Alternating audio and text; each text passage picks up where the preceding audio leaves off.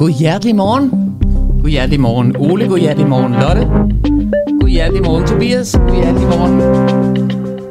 Alle lytter. I dag er det kapitel 12 i øh, live lydbogen Arbejde kan man leve af det. Og kapitel, kapitel 12 betyder, at der kun er et kapitel tilbage. Så øh, skal jeg ud og finde mig et nyt job. Og øh, inden da, der har jeg heldigvis en hel time sammen med Ole Larsen. Og Ole kommer fra Vilumfonden og er, jeg vil lige vil sige brugsuddeler, men du er fondsrådgiver. Så du er sådan en mand, der sidder på en stor kasse penge? Ja, ved, ja. ikke min egen, men ja, nej. men ja. og godmorgen. Og godmorgen. Øh, Ole, kan du ikke bare lige kort fortælle, hvad har Vilumfonden at gøre med øh, arbejdsmarkedet? Ja, men Vilumfonden er, er, det er en stor fond. Jeg sidder i et program, øh, der deler penge ud til øh, projekter, øh, hvor børn, unge, og børn og unge de får en øh, større forståelse for og lyst til at arbejde med naturvidenskab og teknologi. Så det er et af, af de mange programmer i øh, Vilumfonden og i Viluxfonden i det hele taget. Så det program, jeg arbejder på, der skal man have øh, mere naturvidenskab til børn og unge.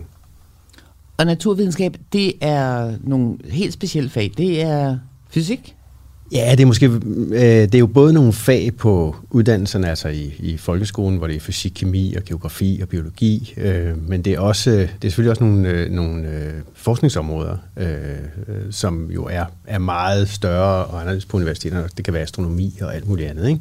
Og vi dækker både nat- naturvidenskab og teknologi, så det er også nogle IT-fag og programmering og den slags.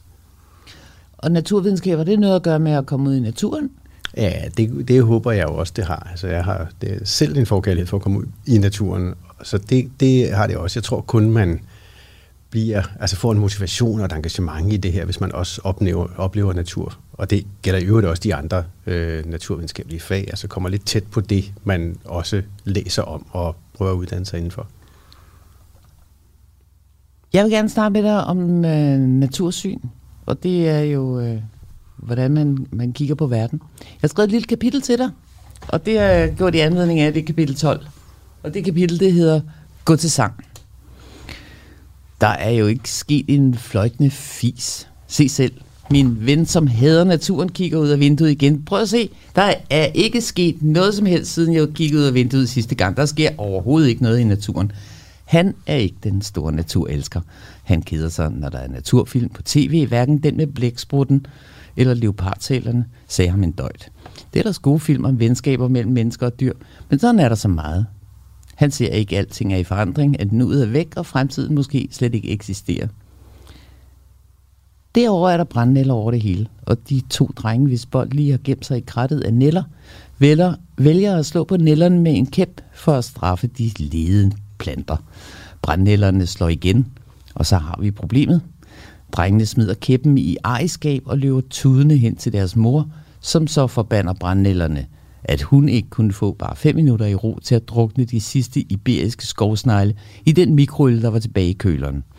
Hun har prøvet at hugge dem over med en spade, men det sagde sådan et grimt bål og brand, det går ikke, når man har strå på taget. Jeg hader brændnælder, og tislerne også, og fandens det ukrudt. Hun råber til drengene, at de skal holde op med at tude, og sender dem ind til iPad'en. Egentlig ved hun godt, at iPad og skærme er det, fanden har skabt, men så har fanden skabt så meget, der giver lidt ro i sindet. Jeg har et kæledyr og et husdyr. Kæledyret er en labrador. Hun er det bedste, jeg nogensinde har boet sammen med. Er jublende, om det er tørmad eller resterne fra de frie tætte selvbord. Og så har jeg en stor husæderkop, en af dem, der larmer, når de løber i gardinerne. Den har et spind over mit vindue i soveværelset. Fabelagtig konstruktion. Det er en hel hængekøje af fit, fint hvidt spind. Jeg er ikke i overhængende fare, men det er de fluer og myg, som hver aften før koppen var på plads generede mig hele natten. Nu er de gået i garnet. Jeg får fred, og hun bliver mæt. En win-win situation. Og så skal vi ikke snydes for en lille bar for sjov historie. En dræbersnegl og en solsort kommer ind på en bar. Solsorten vil gerne have en jordbærsmoothie, mens sneglen hænger lidt med øjnene. Nå, hvad skulle det være, og hvad er der galt, siger bartenderen til sneglen. Ja, ham der solsorten, han spiser altså lige så meget salat og jordbær og alt det andet guf som jeg. Men det er mig, der får skylden. Så hvad kan du foreslå? Sådan en lille deprimeret dræbersnegl som mig. Bare tænker, bare tænker, den tænker lidt og siger, hvad med at gå til sang? Det var kapitel 12.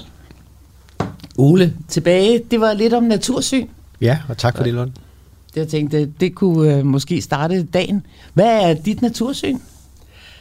Jamen, jeg er jo meget glad for naturen, og, øh, og øh, lytterne ved det jo sikkert ikke, men jeg har arbejdet i rigtig mange år i en dansk natur, NGO, i Danmarks Naturfredningsforening, som leder af deres øh, formidling, og, øh, og, da, og i, i de mange år, 15-16 år, var det fremmeste formål jo at få flere børn og unge mere ud i øh, naturen. Og jeg tror egentlig, det, jeg ved ikke, om jeg har et bestemt natursyn, men det er i hvert fald det, at det, at det er fantastisk. Og, øh, og jeg, hver eneste gang jeg er i naturen, så bliver jeg overrasket øh, og glad og øh, sund forhåbentlig også nogle gange. Og, øh, øh så jeg synes, jeg synes, at vi bruger det for lidt. Og jeg har også den der fornemmelse af, at også at mine børn mister noget, som jeg havde, da jeg var barn, fordi jeg måske var mere ude i naturen, end, øh, end de er. Øh, og ellers så, så tror jeg ikke, at jeg har, altså så tror jeg egentlig, tit det der med konflikterne mellem mennesker og natur, det handler, nu brændelderne er selvfølgelig et meget godt eksempel på, at det var naturen, der slog tilbage på de her drenge, men ellers så er de konflikter, der er omkring natur, tit konflikter mellem mennesker, der vil noget forskelligt med naturen, og ikke så meget mellem natur og menneske som sådan. Ikke? Altså jeg tror, at på, på lang sigt, så vinder naturen jo over os, altså, og, øh, og naturen er lidt ligeglad. Øh, der, hvor vi øh, der hvor vi fejler måske som mennesker lige nu, det er, at vi gør den fattigere hele tiden. Ikke? Altså at biodiversiteten forsvinder, og der er arter, der forsvinder, som er ikke så meget, det er ikke så meget mit natur, det er ikke så meget som det der med, at det er nytteting med naturen, som vi så skal finde den rigtige medicin, der, der kurerer øh, kræft eller et eller andet. Det er mere alle de der oplevelser, vi går glip af, tror jeg. Altså når vi er derude og møder den, og på alt det der fantastiske og forunderlige, som man kun oplever, hvis man er tæt på. Men man kan vel godt øh, sætte nytteværdien sammen med naturvidenskab og oplevelser i naturen. Nu tænker jeg på velcro. Jeg ved ikke, om det er naturvidenskabeligt frem, men velcro er vel, øh, er det ikke en god gammel vandrehistorie, at det kommer fra sådan en bur, der har sat sig fast på tøjet, og så er der en, der har sagt, hvordan kunne man bruge det? Ja, det kunne man bruge i stedet for snørbånd. Øhm, der er den her historie om det franske hurtigtog, som øh, havde en flad næse, og når du kørte igennem tunnelen, så lavede det jo, øh, ja nu har jeg ikke læst naturvidenskab, men det lavede jo et stort brag, når toget kom ud af tunnelen. Så fandt man ud af, ved du hvad man gjorde? Ved nej, du, hvad man kiggede på? Nej. Man kiggede nej, på isfuglen, nej, isfuglens næb, ja. og så designede man toget som isfuglens næb, og når det kørte igennem tunnelen, så, så trak det simpelthen luften væk, så det blev helt lydløst. Ja. Og sådan er der rigtig mange historier om inspiration fra naturen man kan men, men, øh, men det med naturvidenskaben og nytteværdien, kan man ikke godt jo, jo, altså vi lærer jo, altså det er jo, ikke, det er jo ikke kun et spørgsmål om at lære af naturen, det er jo også, at vi bruger naturen hele tiden. Og det er jo, det er jo også det, at mange af vores udfordringer i dag, de handler om. Ikke? Altså der er jo nogle, nogle fantastiske muligheder, og vi bliver bedre og bedre som menneskehed til at udnytte de ressourcer, som øh, naturen ligger foran os. Øh, og det gælder, øh, altså for tusind år siden, så handlede det jo bare om at få ly og varme og noget mad, og så levede man i 40 år og sådan noget. Og i dag er det nogle helt andre ting. Altså det, apropos det, at programmet handler om arbejde også. Altså rigtig meget af det arbejde, vi øh, udfører og har udført, udført øh, gennem historien, det handler jo om at ligesom at sørge for, at de ting er på plads, og så opstår der nogle andre behov. Altså at øh, vi får noget mad, vi får noget tryghed, vi får noget varme, vi får et hjem, vi kan gå hjem i, og så kommer der nye behov, som skal tilfredsstilles hele tiden. Og, og, øh, og nu handler det så for nogen øh, om skærme og alt muligt andet. Altså så bliver det måske nogle kunstige behov, øh, øh, der opstår. Øh, jeg ved ikke, at vi, naturen er både vores, øh, det er, naturen er vores livsgrundlag, og det er også en inspiration til at opfinde nye ting. Og der er også stadigvæk en verden, man ligesom skal dykke ned i, når man er forsker eller eller andet. I, øh, der, der, er også, der er stadig noget, vi ikke ved endnu. Øh, og, og så kan man vælge at gå til det, og jeg ved ikke, om det er et natursyn, eller det er sådan et for, altså, man kan vælge at gå til det af ren nysgerrighed og sige, at det var dog fantastisk, hvorfor ved vi ikke det, og det vil vi gerne finde ud af, eller fordi man siger, at det her det kan jeg nok tjene nogle penge på. Øh. Hvor mange penge, det må man vel gerne snakke om penge, når man snakker med en fond, ikke? Hvor ja. mange penge giver øh, Vilumfonden ud til øh, folkeskoler? Øh, i, I det program her deler vi omkring 100 millioner kroner ud om året. Øh, lidt flere i år, fordi det er et jubilæumsår. Øh, og det, men det er ikke alle pengene, der går til øh, skoler og kommuner. Man giver også penge ud til science i fritiden, altså naturvidenskab, kan man sige derhjemme, eller i den tid, hvor du ikke går på din uddannelse og din skole. Og det kan være foreninger, der, der arbejder med det her, eller det kan være familier. Der har der været en pulje, hvor børn og unge selv kunne søge. Øhm, og, og selvfølgelig handler, altså, så det hele handler ikke om skoler, men omkring 100 millioner kroner om året, hvor ja, jeg gætter på, at halvdelen går til kommuner. Jeg vil jo umiddelbart tro, at naturvidenskab, det var øh, alle de rigtige svar, altså pi og to i anden, og øh, hvad, hvilke kemiske, hvad er det, det hedder, den der tabel? Den periodiske tabel, ikke? Mm. Og så skulle man kunne det. Men i Vilumfonden, der står der på jeres hjemmeside, vi vil gerne bidrage til, at de kommende generationer tager kvalificeret stilling til samspillet mellem natur, teknologi og menneske, og de samfundsmæssige og etiske problemstillinger forbundet hermed og vi vil gerne bidrage til flere børn med stærk science-kapital. Og det der med de etiske og samfundsmæssige problemstillinger er jo noget, vi har snakket om rigtig meget, fordi det er som om, at vi ikke har i vores arbejdsliv, nu meget sort-hvidt, men vi har ikke en ordentlig balance mellem arbejde og fritid. Øh, og vi mangler et eller andet sted. Der er et hul, og vi er ikke rigtig fyldt op endnu, men noget, nogle, rigtig mange snakker om dannelse. Og det lyder som om, at det er samfundsmæssige og etiske problemstillinger. Hvordan kommer det med ind i øh, naturvidenskaben? Jamen, det handler jo om, at man ikke kan bruge og skal bruge naturvidenskaben til hvad som helst. Øh, og, øh, og det har man jo en, en masse gode historiske eksempler på, øh, hvad der er gået galt. Altså, øh, hvad for eksempel? Ja, altså lige nu så klima, klimaforandringerne, det er, at vi har, brugt, vi har udledt for mange drivhusgasser øh, gennem tiden. Det er, jo ikke, det er jo ikke noget, man har vidst, eller noget, man har gjort, men der er også masser af forureningseksempler på øh, dumping af gifte i Nordsøen, og øh, øh DDT, som man jo opfandt, som var et fantastisk vidundermiddel, som øh, slog nogle mygge ihjel og afhjælpte en masse problemer, men så skabte nogle, anden, nogle andre problemer. Øh, så det handler lidt om, at man også lærer øh, i sit arbejdsliv øh, og i sit liv i det hele taget at træffe nogle fornuftige beslutninger, når man nu udnytter naturvidenskab og teknologi. Og, og teknologi, altså det kan handle om, øh, om, altså det kan handle om, hvordan man bruger øh, de teknologier, vi bruger, ja, vi, vi har i dag til øh, alt muligt forskelligt. Altså hvilke apps er det, vi har på vores mobiltelefoner, hvad gør det ved os? Ikke? Så, øh, så sådan, øh, men ellers så er, det, så er der nogle af de store kriser, øh, som for eksempel en, en biodiversitetskrise og en klimakrise, som man kalder dem. Og i virkeligheden er det jo nogle udfordringer, vi skal lære at gøre noget ved. Øh, og det skal vi gøre på et fornuftigt grundlag. Øh, og det skal vi, noget skal vi gøre selv derhjemme, og noget skal politikere gøre, og noget skal vi måske gøre ved at øh, gå ind og opfinde nye ting med naturvidenskaben. Men det er ligesom tre forskellige arenaer, man kan, man kan arbejde i. Og alle er vigtige, øh, og og man kan sige, at vi fokuserer ikke kun på den arena, der handler om, at man skal blive dygtig til at opfinde nye ting med naturvidenskaben, som man kan tjene penge på, eller med andre ord få et bedre liv af øh, som mennesker. Vi fokuserer også på, jamen, hvordan er det, man håndterer og bruger naturvidenskab i samfundet og i verden. Det kan være både hjemme i familien og øh, globalt øh, til øh, ikke at skabe et dårligere liv for fremtidige generationer. Jeg læste lige om en, øh, et forsøg, der var blevet aflyst, som skulle have været øh, foretaget op for Kiruna, hvor man har fundet ud af, at hvis man nu kunne dække lidt for solens stråler, det er der. Vi er enige om, at klimaet handler om, at jorden bliver for varm, både med solens stråler og den varme, vi producerer her. Det kan ikke nå at komme ud, og derfor stiger nat- mm. øh, naturen, temperaturen. Det er rigtigt. Er det ikke nogenlunde? Så jo, jo, og vi, ud, og vi, vi, gør, vi laver gør, glasset, varme, gør, gør glasset tykkere omkring jorden, ja. kan man sige. Også. Så der var nogen, der havde fundet ud af, at hvis man nu kunne lave sådan et røgslør oppe i stratosfæren, mm. som reflekterede solens stråler, så ville det være rigtig fint, men så ville solen blive helt, øh, så ville himlen blive helt hvid. Så man, man, man var faktisk i gang med at sende en raket op, der skulle øh, fyre kalk af ude i stratosfæren. Øh, og der er, er nogle andre, der har snakket om, at de skulle fyre sæler, altså sulfur af ude i, mm. i stratosfæren. Er det uh, god naturvidenskab? Du spørger, fordi jeg ved ikke, om I har hørt om det, men... Uh, jeg har ikke i hvert fald. Nej. Nej, man kan sige, det er, det er jo altså, øh, det er formodentlig fordi, at så reflekteres mere af, den indgående, øh, af det indgående lys, der kommer fra solen, ikke? og så når det slet ikke ned, og derfor skal det heller ikke væk igen. Øh, og øh, altså, det, det, er jo, det er jo godt at have en kreativ og kringlet hjerne og kende sin naturvidenskab og øh, øh, udfordringen er, at, at vi kender det sjældent i detaljer. Så øh, når man har de der store løsninger på, på nogle problemer, vi har dernede, så skal man også være sikker på, hvad er det så, der sker. Øh,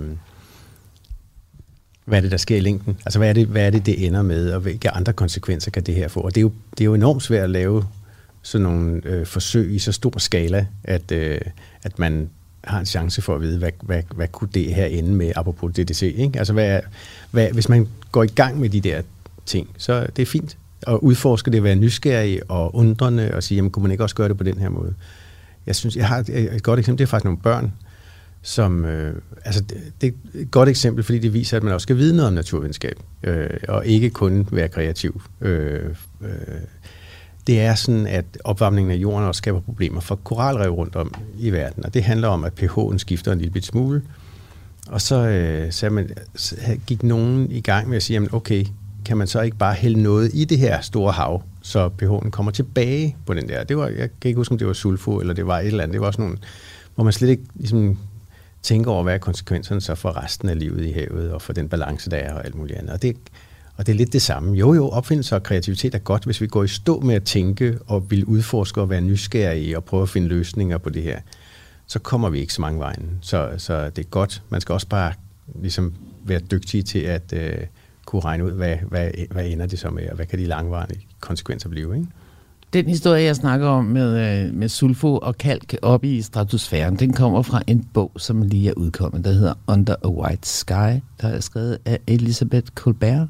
Hun skriver for New York Times og er sådan en klimajournalist, der har været det i mange år. Der er mange, mange fantastiske historier der, og hvordan mennesket har gjort en eller anden ting, fordi de tænkte, ja, yeah, det er en super god idé, og så er de lige pludselig stået med et meget større problem. Øhm, der er rigtig mange gode historier der, men det, øh, det var bare lige for at sige noget af kilden, og jeg har læst en bog.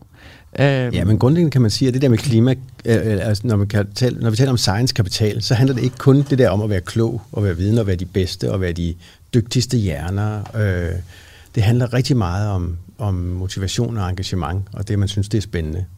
Og, og der kommer man måske tilbage til lidt af det, du talte om også, at komme ud i naturen og komme tæt på og kunne undre sig og være nysgerrig. Øh, og, og og den del af, kan man sige, science kapitalen, og så også at kunne handle på det. Altså at sige, jamen, hvordan træffer vi så nogle kloge beslutninger, når vi nu både er engageret og nysgerrige og vil noget, ikke, ikke ender i apati og sortsyn og angst og depression, fordi vi tror, at verden er ved at gå under, men, øh, men, men bliver positive og nysgerrige, engagerede, motiveret for at arbejde med naturvidenskab. Øh, men man skal jo også have en viden, en grundlæggende viden, øh, som man arbejder ud fra. Den skal man have i fællesskab. Man kan heller ikke gøre det alene. Det er også en stor del af det. Tænker I nogensinde på, i de her 12 programmer har vi jo snakket rigtig meget om det nye arbejdsmarked, og hvordan øh, undskyld, strukturen kommer til at se anderledes ud med de bliver demokratiske arbejdspladser, og vi får lov til at arbejde i små grupper, bestemmer meget selv, øh, har en stor indflydelse på øh, fleksibiliteten i vores arbejde, i vores løn. Øh, Øhm, er folkeskolen overhovedet givet til det? Jeg tænker stadigvæk, måske meget fordomsfuldt, jeg har ikke været i folkeskolen i et par år, men det er stadigvæk sådan lidt røv til tavleundervisning, og man, man, man er måske ikke helt vild med fantasifulde børn, vel, der rejser sig op og siger, jeg har også lige en idé. Altså, jeg, jeg, jeg, jeg tror, du gør folkeskolen en lille smule uret der. Så fordi jeg, jeg, Kun en lille smule, det er jeg ked af, at det ikke er en stor smule. Det er, det, det, det, det, det, er det, også en, det er nok også en stor smule, fordi jeg synes, der er sket meget. Altså, jeg er selv faktisk uddannet lærer, og jeg har også været lærer i, i mange år. Åh, oh, Gud. Det vidste du ikke, Løgn. det er jeg ked af at høre. Nej. og, og, og kantpæd fra Danmarks Pædagogiske Universitet. Og så, så jeg, men jeg synes, folkeskolen er gået meget fra den form for undervisning, hvor der er metodefrihed, og man sidder i et klasseværelse, øh, 25-30 børn og en lærer, der så bestemmer, hvad der skal ske, til at være en... Være en øh, jeg synes, den moderne folkeskole er meget mere end det.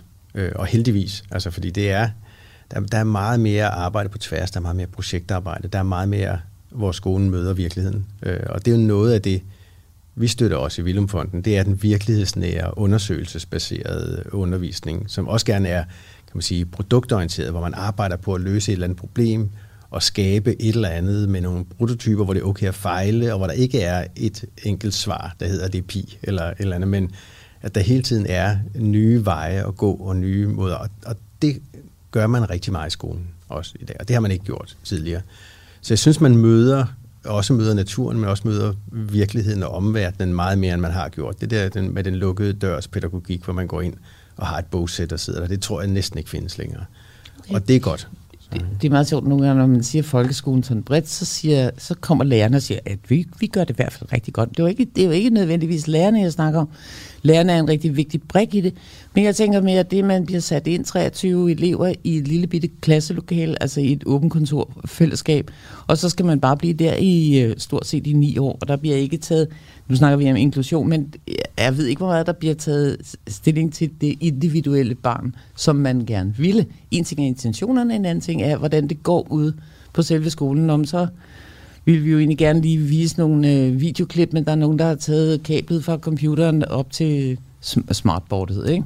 Ja, ja, og når det gælder vores børn, så er der jo aldrig noget, der er godt nok. Altså, øh, så det er klart, der skal bruges mange flere ressourcer på folkeskolen. Øh, og noget, og, og, men det er ikke derfor, man siger, at vi leder penge den der vej. Det er jo ikke, fordi vi synes, at øh, folkeskolen skrænter eller et eller andet, fordi selv med med 100 millioner kroner om året, så det forslår jo ingenting i forhold til driften af folkeskolen, kan man sige. Så det er der, hvor der sker noget nyt, og det er faktisk det, vi ligesom prøver systemisk at skubbe en lille smule til, en lille smule til. Det er også det her med, at den, altså nye former for undervisning, og hvor man går mere øh, undersøgelsesbaseret til værks og den slags. Ja, 100, 100 millioner svarer til 0,3 procent af det samlede budget for folkeskolen eller sådan noget, ikke? Det kan godt være, og, og det er i hvert fald noget, sådan noget, og derfor, det er også derfor, vi ikke støtter drift. Altså det er jo, det er jo ikke, vi skal jo ikke drifte, vi skal jo ikke, så kan vi jo dele så var det jo bedre, at øh, pengene blev opkrævet i skat og blev delt ligeligt ud øh, mellem kommunerne. Vi støtter bestemte ting, og vi støtter udvikling, også af folkeskolen. Øh, ja.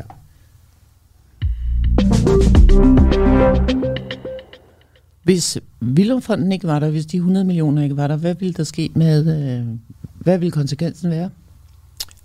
Uh, jamen, så ville det jo nok bare øh, drive videre altså i, i folkeskolen. Så det vil gå, det, jeg tror, der er mange ting, der vil gå lidt langsommere. Altså, vi, det er jo det, vi forestiller os, og som jeg synes også, jeg oplever, det er, at, øh, at de her penge øh, de er, er risikovillige på den måde, at de, de rammer nogen, som gerne vil noget nyt og noget andet, og gerne vil prøve nogle ting på det her, der handler om, om, øh, om naturvidenskab, børn og unge.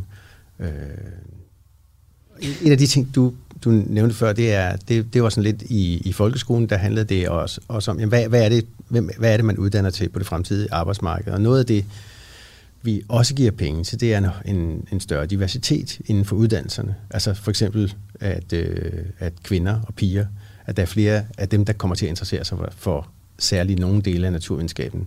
Så vi får et arbejdsmarked, hvor det ikke er øh, en bestemt slags mennesker, der sidder og forsker på et bestemt område. Øh, fordi så får vi også en bestemt verden, øh, formodentlig, hvis der er nogen, der sidder og opfinder alle de nye ting, som ikke har en anden kulturel baggrund, eller som ikke har et andet køn, eller et tredje køn. Eller, så får vi en fattigere verden, øh, og en verden, der er tilrettet nogle bestemte mennesker. Så det er også sådan et særligt fokusområde. Det tror jeg betyder meget i forhold til et fremtidigt arbejdsmarked.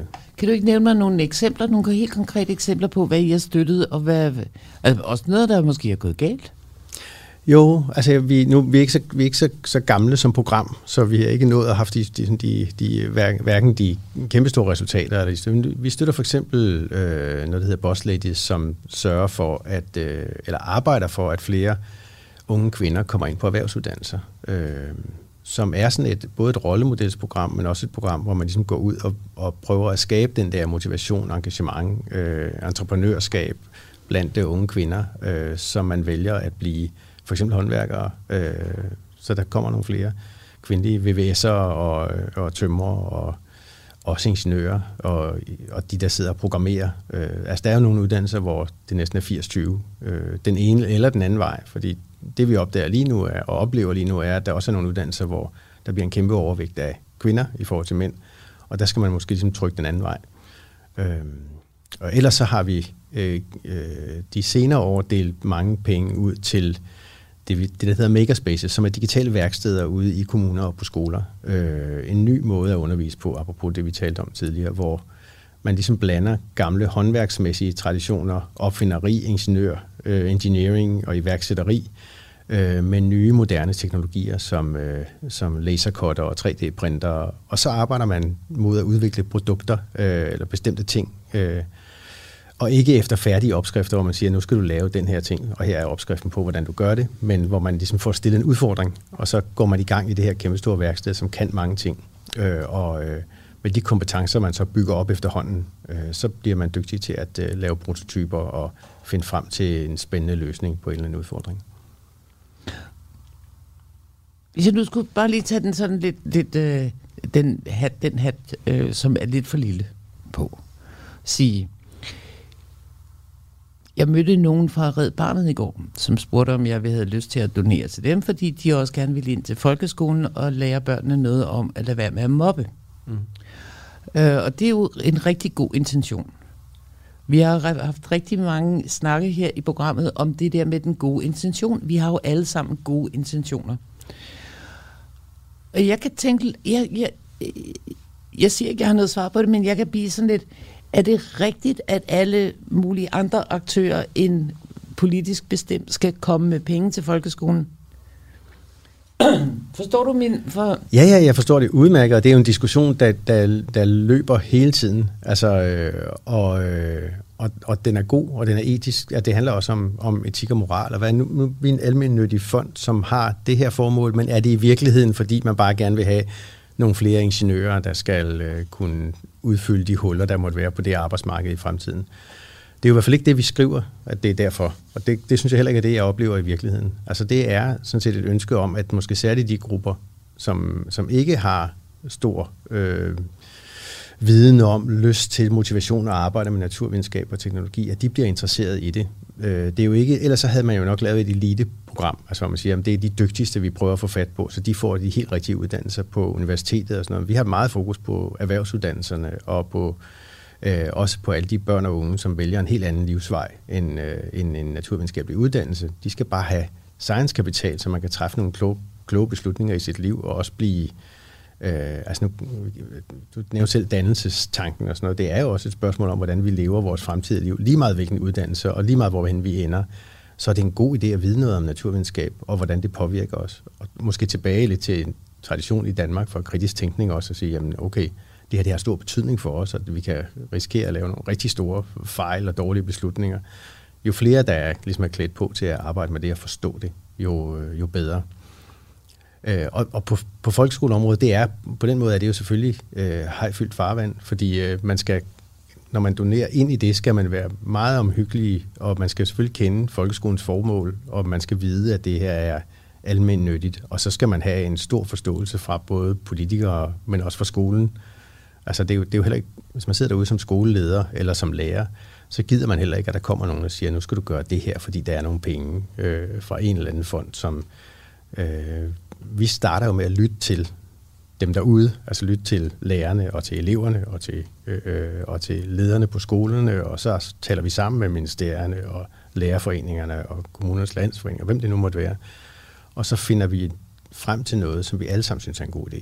Altså det skal være win-win. Øh, og, øh, fordi ellers så, så bliver det et eller andet med, at folk tænker, jamen nu kommer der nogen, selvom vi ikke er en virksomhed, selvom vi bare deler penge ud, der er skabt i nogle virksomheder, så, så, så bliver det sådan lidt, jamen at det bare for et male egen kage. Og det er det ikke. Altså det var en mand, der på et tidspunkt, Willem Kahn Rasmussen, som opfandt Velux-vinduet, øh, som øh, skabte en formue og et stort, øh, og en hel del virksomheder, som besluttede, at øh, 90% af overskuddet fra de her virksomheder skulle gå til almindelige formål. Og så pegede han på nogle formål selv.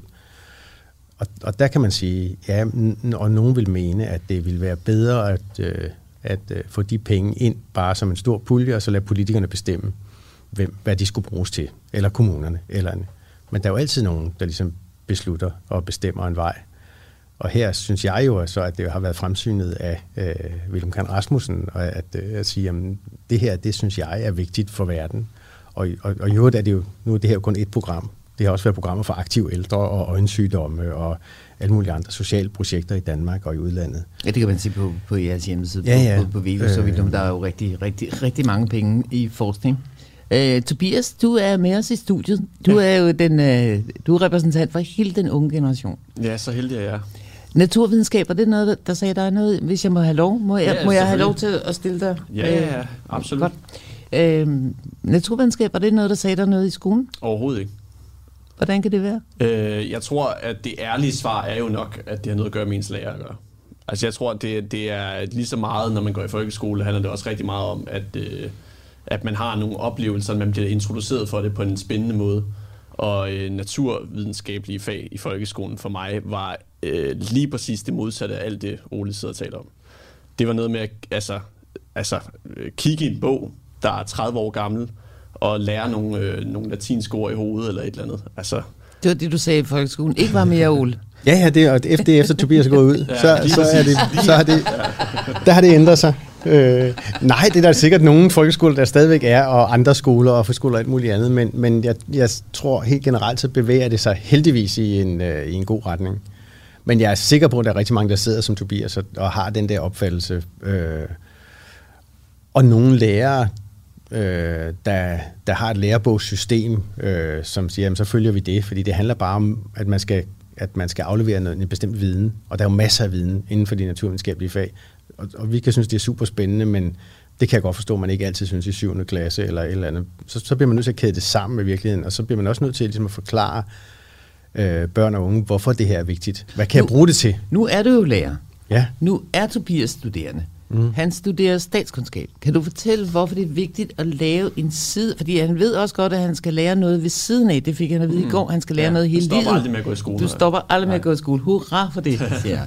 Ja, godt. Hvordan er det, han kan kombinere naturvidenskab sammen med sit øh, statskundskab? Jamen, hvis man læser statskundskab, så kan man jo godt ende som politiker, for eksempel. Eller, eller andet. Og det ved jeg ikke, om Tobias vil. Men det, men, Nej, det var ikke mm, planen. Nej, men et Det er eller andet sted, hvor det bliver... studievej- Studievejledningsgruppe. Værsgo. Et sted, hvor man træffer nogle beslutninger ja. i hvert fald, ja. øh, og man skal kende de øh, politiske systemer, øh, og de systemer, magtstrukturer og sådan noget, der er i verden. Mm. Og, øh, og, og der er det jo vigtigt, når man vil gerne være med til enten selv at træffe beslutninger, eller øh, understøtte de systemer, der træffer beslutninger, at man ved en hel masse om hvad, øh, de emner og temaer, man skal træffe beslutninger om. Og det er jo sådan set ligegyldigt, om det er naturvidenskab, eller det er øh, folk, der har det dårligt, af nogle sociale grunde, eller et eller andet. Altså de, de steder, hvor man skal træffe, øh, vedtage nogle love, skrive nogle love, træffe nogle beslutninger, øh, være med til at lave systemiske forandringer af, af verden, der er det også vigtigt, at man ved noget om naturvidenskab, fordi ellers så ender det jo netop med, at man kaster kridt op i, øh, i havet, fordi man synes, det lyder sgu da meget smart. Og så trykker man på alle de rigtige knapper, så det faktisk kører igennem øh, systemet, og så ender man med en eller anden dinosaur eller menneskets øh, uddøen, for man, øh, man nu sådan har... Bortset fra det, hvis, solen, hvis, øh, hvis, hvis Willumfonden nu giver så mange penge, sådan, så man kan genopleve dinosaurerne. Ja, ja, det kunne være fantastisk. Kunne det være fantastisk? Jeg tror, vi på et eller andet tidspunkt har støttet faktisk indkøb af en kæmpe stor ravsamling med, øh, med fortidsdyr. Øh, og jeg tror ikke, at det endte med, at man forskede i altså Jurassic Park, kan man genopleve nogle af dem. Nu er der heller ikke dinosaurer i rav. Men, men, øh, men ja, altså det, det, det, jo, det lyder jo fantastisk spændende. Det synes jeg jo. Og jeg har en søn på tre år, som elsker dinosaurer. Han vil synes, det var den helt rigtige vej at gå. Hvad, hvad vil, hvilket dyr vil du Men- men, genopleve, uh, Tobias, hvis du altså, øh, hvis man først kan, kan kortlægge generne, ikke? så mangler vi bare teknologien til at få den til at udvikle sig til en... Prøv at når man kunne lave Dolly, altså foråret, så kan man jo også lave en, en T-Rex eller en uh, Behemoth. Ja, det ved jeg slet ikke, hvad er. Det var det. Du Nej, det er jo, men du er, det, du, ja. det er derfor, du skal læse naturvidenskab. Ja, ja, men det er, det er modtaget. Det er også okay at sige, at der er faktisk ingen af de dyr, jeg synes, det var en rigtig god idé, der, der, der kravlede rundt i naturen i Danmark i, øh, i dag. Men mm, ja, ja, altså, ja, altså naturvidenskaben kan mange ting, og vi vil hele tiden, det vil hele tiden udvikle sig, og der vil hele tiden komme nye ting, som øh, man kan. Jeg tror ikke, at, at der bliver brugt rigtig mange ressourcer på, at, øh, at der skal komme nye dinosaurer til, men, øh, men det der med, at, lø, jeg tror, at fokus vil ofte være på løsning af udfordringer, og en, der, der vil en mammut eller en, en ankylosaurus nok ikke gøre den store forskel i dag på klimakrisen, eller der vil selvfølgelig være lidt mere biodiversitet, men øh, ja, det, jeg tror, det er det, naturvidenskaben først og fremmest øh, kommer til at handle om. Nu er det jo sådan, at du er jo, øh, du er faktisk hele tre ting. Du, du er jo også lærer. Det vidste jeg jo øh, faktisk ikke. Men du er også forfatter. Ja. Du har skrevet en, en bog, hvor der er øh, rigtig mange billeder i. Mm. Det er jo, og det var ikke, det var ikke på en eller anden smart måde Det er godt, det, det, det, ja, ja. det er godt sted at starte, tænker du. Han har skrevet en bog og meget lidt tekst. I. så kalder han sig forfatter. Ja. Nej, øh, fortæl om den bog. Det er en rigtig, rigtig dejlig bog. Og, og jeg synes, vi, jeg vil tage den med her, fordi det er jo stadigvæk ferie derude. Og der er ja. nogen, der er på ferie med deres børn. Og der er nogen, der ikke ved, hvad de skal lave med deres børn på deres ferie. Og det var bare, øh, ja, det var bare, kan du ikke fortælle lidt om, om den bog, som er en rigtig god idé til, hvad vi skal lave i dag? Jo, og jeg skulle jo have haft en med til Tobias, skal jeg høre. Der, ja, det, det, Gerne en det, på sin første klasse. Den, der er mange billeder. den hedder, det, bogen hedder Min Naturbog. Øh, 50 ting, du skal prøve i naturen, før du fylder 12. Øh, og, øh, og den har jeg jo skrevet med udgangspunkt i det her ønske om, at alle børn, ikke kun mine egne, men at øh, man kommer mere ud i naturen. Når man, og når man, fordi når man møder naturen, og når man oplever den, så bliver man også både bruger af natur og beskytter af natur. Og det, det, det har altid været vigtigt for mig, at, øh, at børn i det hele taget vokser op som nogen, der synes, at der vokser op med både begejstring, men også den der beskyttertræng øh, i forhold til natur, fordi jeg synes, det er vigtigt. Og det er det jo ikke i min i mit job som fondsrådgiver som sådan nu, men, øh, men, men det er det ellers. Og det er en bog med, med, øh, med 50 opskrifter på oplevelser ude i naturen, som man som familie kan få. Øh, og man, så kan man så gå, gå, øh, gå ind i den og krydse af, hvor langt er jeg kommet i den her. Det er sådan en min naturbog, det er til det enkelte barn, og så håber man, at man kommer op på de 50, inden man bliver 12. Og, øh, og det er jo også en slags modvægt til den, altså, til det at sidde for meget foran skærmen selvom der ikke er noget galt øh, med skærme i det hele taget, så er det lidt et, en bog til de forældre og børn, der ellers har svært ved ligesom at træde ud af døren og sige, hvad skal jeg nu lave i dag? Aktivt. Når du nu øh, reagerede, da jeg sagde, at folkeskolen øh, skulle tage sig sammen før, og så sagde du, ho, ho, øh, så vil jeg reagere, når du siger, at det ikke gør noget at sidde foran skærmen. Øh, fordi øh, det synes jeg, at der findes rigtig mange naturvidenskabelige forsøg, der viser, at hjernen simpelthen så skade af at blive afhængig. Eller vi bliver afhængige af det der fix, vi får foran skærmen. Mens vores øh, fokus og vores øh, måde at opleve verden på er en helt anden, når man kommer ud i naturen. Det er der, hvor man slapper af, og det var Dorte Varning Poulsen, som kunne fortælle om det, som er lektor og studievejleder oppe i Arkaden. Arkadia oppe i øh, Hørsholm i, øh, ja. i, hvad hedder det, terapihaven, men også på Københavns Universitet. Øh, og, og der er bare en fare ved den, ved den skærm der. Men det er også rigtigt, og bogen har jeg jo fået lidt hjælp af Peter Kortrup Geisling, som også har skrevet i den, som er vores allesammens tv-læge. Og sådan noget. Peter har, har, øh, har skrevet en bog selv, der handler om det her med, hvad er det, naturen gør for os og vores sundhed. Og selvfølgelig er der også en modvægt, og selvfølgelig er det sådan, at, øh, at skærmen skaber en afhængighed, og skærmen også, øh, skærmen også øh, Øh, men når man arbejder på skærmen, arbejder man med andre dele af hjernen, end man gør, når man er ude. Altså det er en anden opmærksomhed. Man får, man får først åbnet den særlige opmærksomhed, man har, hvor man kan kigge lidt længere på længere sigt og med længere afstand, øh, og øh, når man kommer ud i naturen. At, Øh, jeg, jeg talte med en hjerneforsker på et tidspunkt, som sagde, at der er kun to steder, hvor man for alvor får udfordret hele hjernen og alle sanser, og det er, når man spiller musik, og så er det, når man er ude i naturen. Og det, det øh, nu, jeg spiller ikke noget instrument, så det har jeg ingen erfaring med og ved ikke, men, men det er sikkert rigtigt. Men øh, det andet synes jeg i hvert fald er, er sandt, og jeg synes, man skal komme derud. Og det er på alle måder sundt. Altså det er jo ikke kun øh, for ens egen skyld, og det er slet ikke kun for naturens skyld, men, men øh, også for øh, et socialt fællesskab og sådan noget. Sørg for at komme ud som familie og få nogle oplevelser sammen. Og det kan godt være, det er svært en gang imellem det der med at, øh, at sige, at nu skal vi gå en tur, vi skal på stranden, eller vi skal ud med hunden, eller et eller andet. Og det, der kan man sige, at bogen er sådan et, øh, måske et forsøg på at sige, at der er mange andre oplevelser og opdagelsesrejser, man kan komme på på en meget let måde, når man er forældre, og man ikke rigtig ved noget om det her, ved at øh, skyde genvej gennem bogen. Øh, og så handler det jo om, at man, altså at, at naturoplevelser, det at være derude, forebygger alle store øh, alle store sundhedsudfordringer, vi har. Ja, jeg tænker på, Ole, kan man ikke få dig til at lægge hovedet mere på blokken? Og simpelthen sige, vi kan godt lide at tænke stort herinde, ikke? Ja. Så kan, er der ikke et eller andet fag, du ligesom savner, der så mangler i folkeskolen? Eller en eller anden form for, skal alle øh, børn eller unge, skal de have et år, hvor de går i skole i naturen, i skoven, eller en efterskole, eller et eller andet? Jeg, jeg tænker, hvor var naturen, da jeg gik i folkeskole, for eksempel? Ikke? Altså, den var ligesom inde i klasseværelset.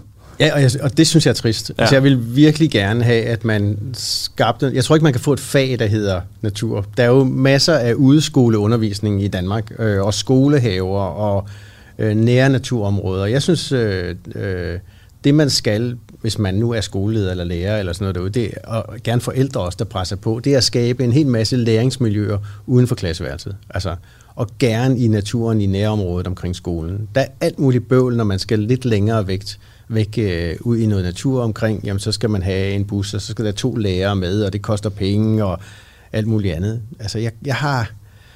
Øh, mit andet lærerjob var på Frederiksberg, på en lille friskole på Frederiksberg. Øh, og det første, jeg gjorde, det var at købe en sækkevogn, da jeg kom derned, fordi så kunne vi hver eneste tirsdag bryde hele skemaet op, og hver eneste tirsdag, der var vi i Bøllemosen og tog S-toget med en øh, sækkevogn med øh, biologiudstyr, og så havde vi altså også dansk og matematik og sådan noget derude. Og der havde de en ellers meget dygtig biologilærer, som havde et biologisystem, og han sagde, at vi kan jo ikke komme ud i naturen, vi bor midt på Frederiksberg.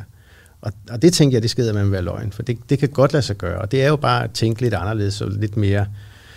Øh, synes, altså at, at ændre en lille smule på rammerne og systemerne og presse sin skoleleder lidt, hvis man øh, vil det, at få nogle flere timer og fag. Nu var jeg så heldig, at jeg har både billedkunst og biologi. Altså jeg havde den der, det der overlap og noget dansk, så jeg, jeg kunne ligesom fagne mange fag, og så placerede jeg bare dem, og så kaldte vi det alt muligt, og så tog vi i skoven. Øhm, jeg tror ikke, det bliver et nyt fag, men jeg tror, der, der, det er vigtigt, der kommer meget mere fokus på det. Også at det, at man kan bare lige gå uden for døren, og så er fysiklokalet egentlig udendørs, eller øh, geografilokalet, at man kommer til at arbejde meget mere udenfor. Ja, det synes jeg da. Altså, jeg, jeg sidder bare lidt og tænker på, hvis det, er, hvis det er det, der skal til for, at vi løser for eksempel klimakrisen og sådan nogle ting, og du var politiker lige nu, eller du sad og ligesom kunne, kunne diktere, hvad er det, der skal gøres? Ikke?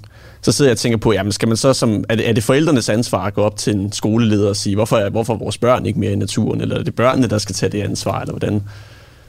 At det er i hvert fald ikke børnene, der skal tage det ansvar. Det, det, er, det skal tages oppefra, og det er både landspolitikere, og det er, men det er også forældre, og det er så ude på de enkelte skoler i de enkelte kommuner. Mm. Øh, og jeg tror, man er godt på vej, altså særligt omkring klima, der, der, der, der man vil super gerne, og jeg tror, hvis der skulle være et fag, så skulle det være et fag, der ligesom arbejdede imod øh, den store fortælling om, at vi er på vej mod jordens undergang. Vi har alle muligheder for at løse alle de kriser. Vi kan selvfølgelig ikke, måske kan vi også, øh, Lotte, genopleve de der dyr, der er uddøde, men, men ellers så, så, så øh, har vi redskaberne, og øh, det kan blive en lille smule hårdere for os som samfund, at vi skal træffe nogle nye beslutninger om, at vores liv bliver anderledes, og måske mindre foran skærmen, eller måske mere forskning eller sådan noget. Men, men, men det, det er systemisk, man skal ind og arbejde med det, og det gælder rigtig mange steder. Men det, jeg synes også, man, jeg kan se, at sådan nogle ting er på vej, og det er øh, det, det vil også blive hjulpet af mere science-kapital, men først og fremmest den der modvirken mod øh, angst og apati, som, øh, og det der med at sige, at vi kan alligevel ikke gøre noget, og så lever vi vores liv. Og det hænger, hænger også sammen med fremtidens arbejdsmarked og hvordan vi lever. Jeg har jo altid været så heldig, at jeg har haft et job, hvor jeg synes, det gav mening, ud over at jeg tjente nogle penge på det også. Ikke? Og, og, øh, og det håber jeg for øh, fremtidens børn og unge og alle generationer, at, at vi ligesom får vævet det der lidt mere sammen med vores arbejdsliv, og så det, at vi skal være med til at øh, løse nogle af de store udfordringer, vi har i fællesskab. Vi er i den samme båd, når det gælder klimakrisen. Øh, vi ved det bare ikke helt endnu. Øh, men vi kan godt, og vi kan i fællesskab. Jeg har sådan en teori, som jeg gerne vil søge nogle penge til at finde ud af, om klimakrisen i virkeligheden er inde i vores hoved. Altså ikke, at den ikke eksisterer ude i verden. Det var slet det er slet ikke der. Men at vi lukker så meget... Øh, nu snakker du om, at det, det ser slet ikke sort ud, men, men det er der jo mange, der går og tror, at det, øh, den fremtid der, der fordi vi har lukket så meget ud ind, som vi ikke kan komme af med igen. Så øh, klimakrisen inde i vores hjerne er et fint spejl af det, der sker ude i, øh, i verden. Ja, og det er der også andre kriser, der Når vi taler om biodiversitetskrise, så er det jo for menneskenes skyld, vi gerne vil have noget mere. Naturen skal jo nok overleve. Når vi ikke er her længere, så er der jo masser af liv. Det er der ingen tvivl om. Øh, så, så øh, på den måde er naturen ikke i krise. Der vil blive nogle færre arter måske, eller et eller andet, men livet på jorden skal jo nok overleve lige meget hvad. Men, øh, og, men, og vi kan jo heller ikke som mennesker, vi har snakket rigtig meget om, hvad det er, homo sapiens kan. Ikke? Og vi er kommet frem til, at homo sapiens er rigtig dygtige til at arbejde sammen. Men jeg, jeg tænkte på i går, homo sapiens er også rigtig dygtige til at måle alting i forhold til deres egen størrelse. Ikke? Jo. alting bliver målt i forhold, det er en lille myre, eller det er et stort bjerg. Nej, det er jo ikke, altså det er jo ikke, det er jo ikke noget stort bjerg, hvis du kigger i universet. men det er stort i forhold til dig og mig. Ikke? Jo, men vi vender jo også alting øh, på hovedet. Eller vi vender jo øh, hvert et blad hver en sten og så videre. Og så værner vi enormt meget om hinanden og menneskeliv og så videre. Ikke? Så vi, vi, vi har det jo også med at gøre problemer, som naturen ellers vil løse af sig selv. Ikke? Ved at ting dør eller ting overtager andre. Ved ligesom at, det gør vi til store problemer. Ikke? Og det er jo en, måske en naturlig del af det at være menneske, tænker jeg. Jo, og så, og, og så har vi etik og moral, altså Jamen, som, det er det. som, som Ja. betyder noget for os. Der er nogle ting, man gør, og nogle ting, man ikke gør. Øh, og det har skabt, skabt masser af diskussioner, også i naturen, om, jamen er det okay, at øh, vilde heste får lov til at være vilde? Øh, for eksempel de der steder, hvor man har lukket dem ud. Øh, fordi så en gang imellem er der nogen, der dør af sult eller af sygdom eller et eller andet, og samtidig så har vi en, så, så er det vandrygt. Men hvis reven eller kronhjorten eller grævlingen dør eller af sult eller et eller andet, så er det jo bare den vilde natur. Øh, og, og det er jo selvfølgelig noget, et menneskeskabt syn på hesten, altså, øh, som, som er et domestisk dyr, så, og som man skal passe mere på end alle de vilde dyr.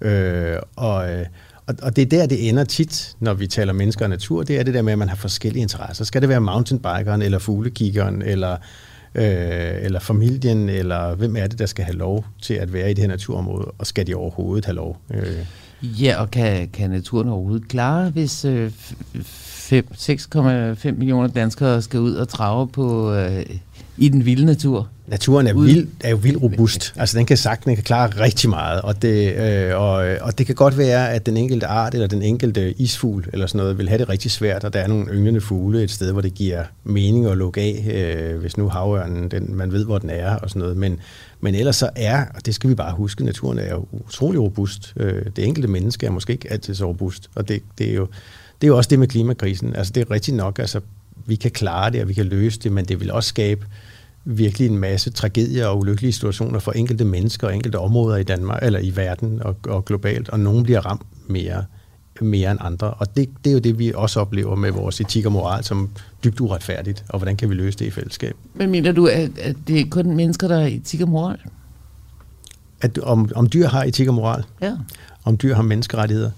Ja, det, det, det mener er jeg jo, at naturen skal have. Ja, ja, Men jamen, jeg, det kan vi jo godt. Det kan, vi har 13 minutter tilbage, hvis jeg ikke Ja. ja. jeg har Mm, det ydet mig i regning.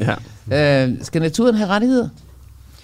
øh, Og prøv lige at fortælle, hvad den naturens rettigheder er. Jeg regner med, at du... Jamen altså, man, man, altså ligesom vi har menneskerettigheder, Ja. så taler man jo om, om dyr skal have rettigheder, og naturen skal have rettigheder også. Øh, og, og hvis øh, man skal det, så er det, jo en, så er det jo mennesket, der beslutter, hvad de rettigheder er, og hvilke love og regler vi har omkring, omkring dyr og natur. Og jeg tror, det bliver enormt svært. Jeg ved ikke, om, det, det ved jeg ikke, om, om de skal. Jeg synes, det er et meget, meget svært spørgsmål. Fordi så vil vi jo aldrig nogensinde, så, så vil vi alle sammen skulle være vegetarer. Hvorfor skal vi så slå nogen ihjel? Og er det retfærdigt nok, fordi vi er vi et rovdyr, eller vi, vi kan spise det hele? Skal vi så ikke sørge for, at ingen... Altså, der bliver masser af etiske og moralske spørgsmål, som bliver Fantastisk. fantastisk spændende. Jamen, jeg synes, det er spændende, og jeg synes øh, også, det er spændende, det der med øh, at sige, jamen, jamen, skal dyr og natur have det? Jeg, vi skal være meget, meget dygtige til at passe på vores natur. Øh, og og det, det, det spørgsmål, der er helt essentielt her, det er jo, om det er for naturens skyld, eller det er for vores egen skyld. Øh, øh, og, øh, og jeg er jo tilbøjelig til at sige, at det skal være både for naturens skyld og for, for vores egen skyld. Jeg, jeg synes, det er vigtigt, at vi passer på arterne. Jeg synes, det er vigtigt, at vi sørger for, at der er levesteder, så en masse arter ikke uddør. Jeg synes, det er uretfærdigt, at vi som menneskehed skal bestemme over, hvilke dyr og planter, der lever og overlever. Øhm, men jeg tror også, det er meget, meget svært at skrive det ind i en lov.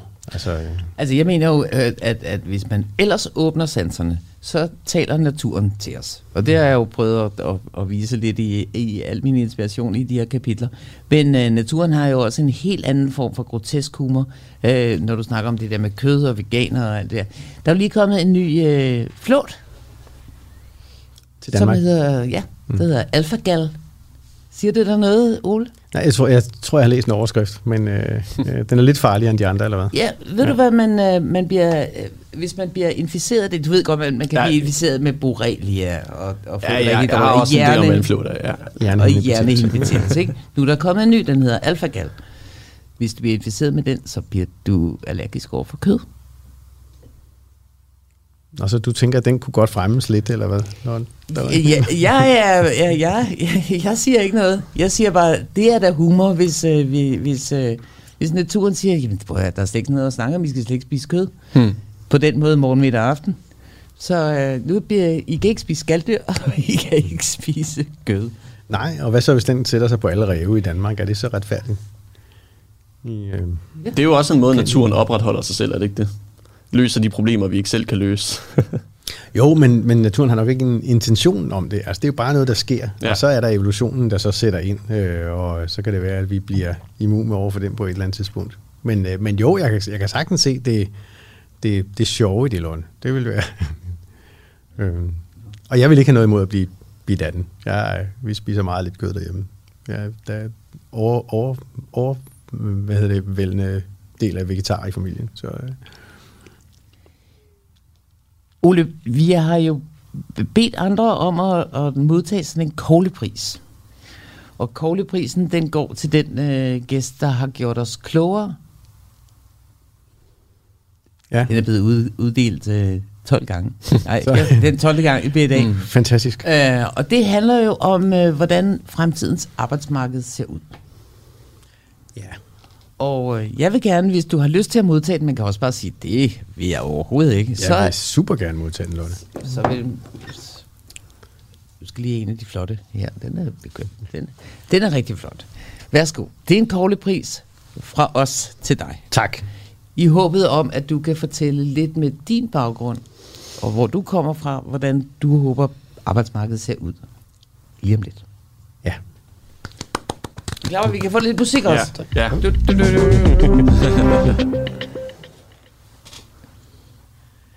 ja, men, men jeg tror først og fremmest, at fremtidens arbejdsmarked bliver... Øh, altså, I har sikkert fået at vide de 12 11 tidligere programmer, at arbejdsmarkedet ændrer sig enormt meget. Og, øh, øh, altså, jeg vil egentlig håbe, at de, der skal ud og finde et arbejde om, om nogle år, for det første er kompetent og klædt på til det. Det har vi talt lidt om med det der med, ikke kun uddannelse, men også dannelse. At man, øh, man øh, har lyst til at arbejde også. Det kan godt være, at man arbejder mindre, det tror jeg helt sikkert, man kommer til. Men at man er kompetent, og man arbejder for et fælles bedste, og man hver dag, man går på arbejde, så ligesom har den der øh, fornemmelse af, at jeg er med til at bære i den rigtige retning. Øh, og det, jeg, jeg tror lige meget, hvilket job man har øh, i fremtiden, i hvert fald forløbig taler vi om Danmark, at, øh, at så vil der være et fokus på, øh, hvordan det bidrager til et fælles bedste også, øh, og ikke kun til at tjene flere penge til dem, der ejer virksomheden, eller eller til, eller til dig. Og så tror jeg, der er brug for, eller det ved jeg, der vil være brug for nogle helt andre kompetencer, end bare viden om det enkelte fag. Altså, øh, hvor man i gamle dage jo godt kunne blive bager. Jeg kommer fra en bagerfamilie, og bare man kunne bage noget brød og sådan noget, så, så øh, vil det handle meget mere om i fremtiden, hvordan gør man det på en måde, hvor man ikke bruger for meget energi, og hvor man bruger nogle sunde råvarer, og hvor man, altså ellers vil man aldrig kunne sælge det brød. Og, og, og det, at man ligesom går på arbejde med også en fornemmelse af, at det her, det ikke, handler ikke bare om, hvad der er i min øh, hvad der er i min løncheck, som jeg får for den her måde, men også hvad jeg har gjort for, for verden, eller jeg har bidraget til at øh, være med til at løse klimakrisen, eller hvad det nu måtte være, eller, eller andre kriser, eller skabe øh, mindre ulighed i verden, eller sådan noget. Jeg, der, jeg tror, at, øh, at de job, hvor man kan gå på arbejde, og så samtidig føle, at jeg har gjort noget godt i dag. Det synes jeg også som lærer, og alle mulige andre, øh, og sikkert også som, som radiovært, eller så, så det man går hjem og siger, at jeg tror, jeg har været med til at gøre en forskel. Det kan godt være, det er en lille forskel, men en forskel, og jeg har gjort mit bedste. At øh, de job vil være meget mere attraktive, end øh, dem, hvor man måske skal arbejde 80 timer om ugen og tjene en masse penge. Og, øh, og det skal man være klædt på til. Man skal være, man skal være mere handlekompetent på en lang større, et langt større område, end man er i dag. Altså man skal kunne overskue mere og nogle større sammenhænge. Men det synes jeg også, vi er i gang med at uddanne nogle generationer, der kan. Det lyder optimistisk. Ja, men jeg synes, at du er et meget godt bud selv, øh, Tobias, på det der med, at man har søgt ind på statskundskab, fordi det handler om nogle store mm. sammenhænge og en forståelse af verden, og, øh, og øh, det, det, jeg ved ikke, om det bliver sådan. Nu er det måske mere mine ønsker for fremtidens arbejdsmarked. Det var også at jeg, meningen jo. Ja, altså jeg ønsker virkelig, at, at alle mennesker går på arbejde og tænker, øh, det bliver spændende i dag. Øh, jeg ved ikke helt, hvad, hvad hvad dagen bringer, men jeg er med til at gøre verden til et bedre sted. Ja, ja undskyld, jeg, jeg hører efter, hvad, hvad Ole siger, og så tænker jeg, ja, det, jeg gik helt i... Øh, jeg tænker på, om, om det, at naturen jo opfører sig, som den gør. Der kommer blade på træerne, fordi vi er så heldige, at vi bor et sted, hvor der er fire årstider. Hvorfor kan man så ikke forudsige, hvad os mennesker gør? Altså, hvor, hvor, der må være nogle svar derude i naturen, som kunne hjælpe os med ikke at være så bekymret for fremtiden. Eller ikke synes, at man gætter på fremtiden. Ja, ja, svarene er måske ikke derude i naturen, men inde i os selv, og vi finder dem bare bedst, når vi er ude i naturen. Fordi det, det vil jeg jo også ønske, at man havde, næsten at alle jobs havde den der mulighed for at komme ud og øh, få tid til at, øh, at koble hjernen fra. Altså det er jo noget af det, vi taler om, når vi har, øh, når, vi, når vi taler om mobiltelefonen og alt det der. Øh, og, og også i, i min bog og sådan noget, det der med at være koblet op hele tiden på verden. Og være koblet. En gang må man godt koble af, og så bare tage ud i naturen, og så blive klogere på, øh, hvad der sker inde i en selv. Øh. Ole, lad os bruge de sidste fire minutter på at tage øh, et eller andet x antal eksempler på, hvad vi kan gøre i dag for at gå ud i naturen fra din bog. Ja. Har du, mangler du nogle briller? Ja, jamen, det gør jeg, men jeg kan, gøre, jeg kan, jeg kan forhåbentlig huske, hvad jeg selv har skrevet. Ikke? Altså, det er sådan, Ellers skal du kigge på billederne. Øh, så skal jeg læse ja, op for altså, dig. Jeg vil, jeg vil sige, vinterbadning, det er jo ikke så meget lige nu. Nej, men jeg vil, jeg vil måske bare så tage den øh, herfra og sige, jamen, lige nu, i går var jeg for eksempel ude ved et vandhul sammen med mine børn. Det allervigtigste, det tror jeg, nej, det er ikke det allervigtigste, fordi det, vi er lidt forskellige, men det er vigtigt at komme ud sammen med nogen. Altså lige nu, hele sommerferien over, der er der jo masser af natur, og man, alle valgfarter jo til stranden, øh, og det er sådan et naturområde, man er. Men jeg, synes, jeg vil så opfordre til, at man tager nogle andre steder hen. Kigger lidt på, hvilken nær natur er der, og så tager ud til søer og vandløb og enge og overdrev og nogle af de andre så fantastiske blomstermarker, og så ellers gå på jagt efter noget. Altså tage, gå på opdagelse og efter noget, og sige, i dag vil jeg finde en sno eller i dag vil jeg prøve at finde et mark ben, eller sådan noget. Og så kan det godt være, at man ikke gør det, og så tager man dagen med, og så får man en hel masse andre oplevelser. Eller i dag vil jeg ud og prøve at sætte et mærke i naturen, lære at slå smut, øh, eller finde øh, et stykke rav, eller tage til Møns Klint og finde et fossil, eller øh, en, en meget god idé er også at tage ud og finde noget, man kan spise. Øh, og, og der er også en hel masse hen over sommeren med en masse bær og urter, man kan finde ude i naturen, og så kan man lave sin egen øh, pesto eller høste noget tang, øh, når man alligevel er ved stranden, og så tage hjem og lave en suppe med tang og sådan noget. Altså de der madoplevelser, de er super gode. Altså, og, øh, man elsker at samle. Vi er stadigvæk jæger og samler. Ja, jeg skal jo bare lige sige som den gamle, at husk nu ikke at spise noget, som man ikke ved, hvad er. Ikke? Det kunne jo være giftigt.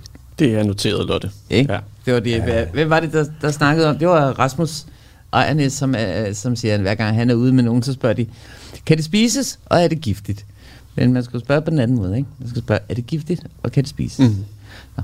Men øh, ja, jeg har været ude mange gange omkring, altså svampe er jo et godt eksempel, ikke? Altså, hvor, man så, hvor, hvor der er 5-6.000 arter i Danmark, og der er øh, tre, der er rigtig giftige. Ikke? Altså sådan, altså, man skal heller ikke være for forsigtig. Jeg har holdt nogle oplæg med en norsk professor, der hedder Gunnar Breivik, som siger, altså man skal, man skal ikke passe meget, for meget på sine børn, og beskytte dem for meget. De skal have lov til også at gå selv ud i naturen. Øh, og han sagde, at hvis, hvis ens børn ikke har brækket noget, når de bliver 18, så har man fejlet som forældre. Øh, og det er måske en dårlig udgangsreplik, men, men man må godt lade dem komme lidt ud på egen hånd og, og slå sig og få nogle ridser og brænde sig på nogle brændenælder, apropos og sådan noget, fordi det lærer man en hel masse om, hvad der er farligt ved. Altså hvis man ikke er faldet ned fra de nederste grene på et træ, så kan det være, at man på et eller andet tidspunkt bare kravler, kravler højst op og så falder ned. Så er der nogle forældre, så er der jo nogle forældre, der er bange for at gå ud, fordi tænk, hvis deres børn spørger om et eller andet, de ikke kan svare på. Hvad gør man så? Så køber man min bog, og så står der rigtig meget i den om. der er, så, det er nogle gode opskrifter på, på nogle områder, hvor man så starter og skal spille ekspert. Og ellers er der masser af steder inden. Der kan man jo så godt bruge skærmen lidt som forberedelse til at tage ud.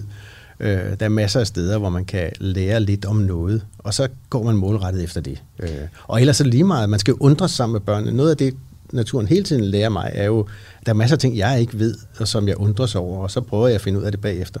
Man skal være sammen med børnene om den der undring og forundring over, at det er så fantastisk. øh. Det, jeg håbede, du sagde som lærer, det var, at det går vi der hjem og finder ud af bagefter. Altså, hvis Jo, jo, det kan man jo også gøre, hvis man synes, det er interessant nok. Men, ja, altså, men det skal ikke holde en fra at gå ud, mener jeg, det der med, at man ikke Nej, har en nej. viden om, hvad en mariehøne hedder på latin, eller hvad ved jeg. Nej. Det kan man bare kalde den, hvad man har lyst til. Sådan er det jo med de danske navne. Vidste du det, Tobias? Eller Øh. at den kan, den kan udlede sådan en giftig sekret fra sine knæ, som smager rigtig dårligt, og det er de er super giftige. og som Morten D. de plejer at sige, at en, en skefuld mariehøns, det er nok til at slå dig ihjel. Så. Der er fem sekunder igen. Tak, Tobias. Tak, Tak for det. Ole, for at stå op så tidligt. Vi er igen tilbage i morgen kl. 7.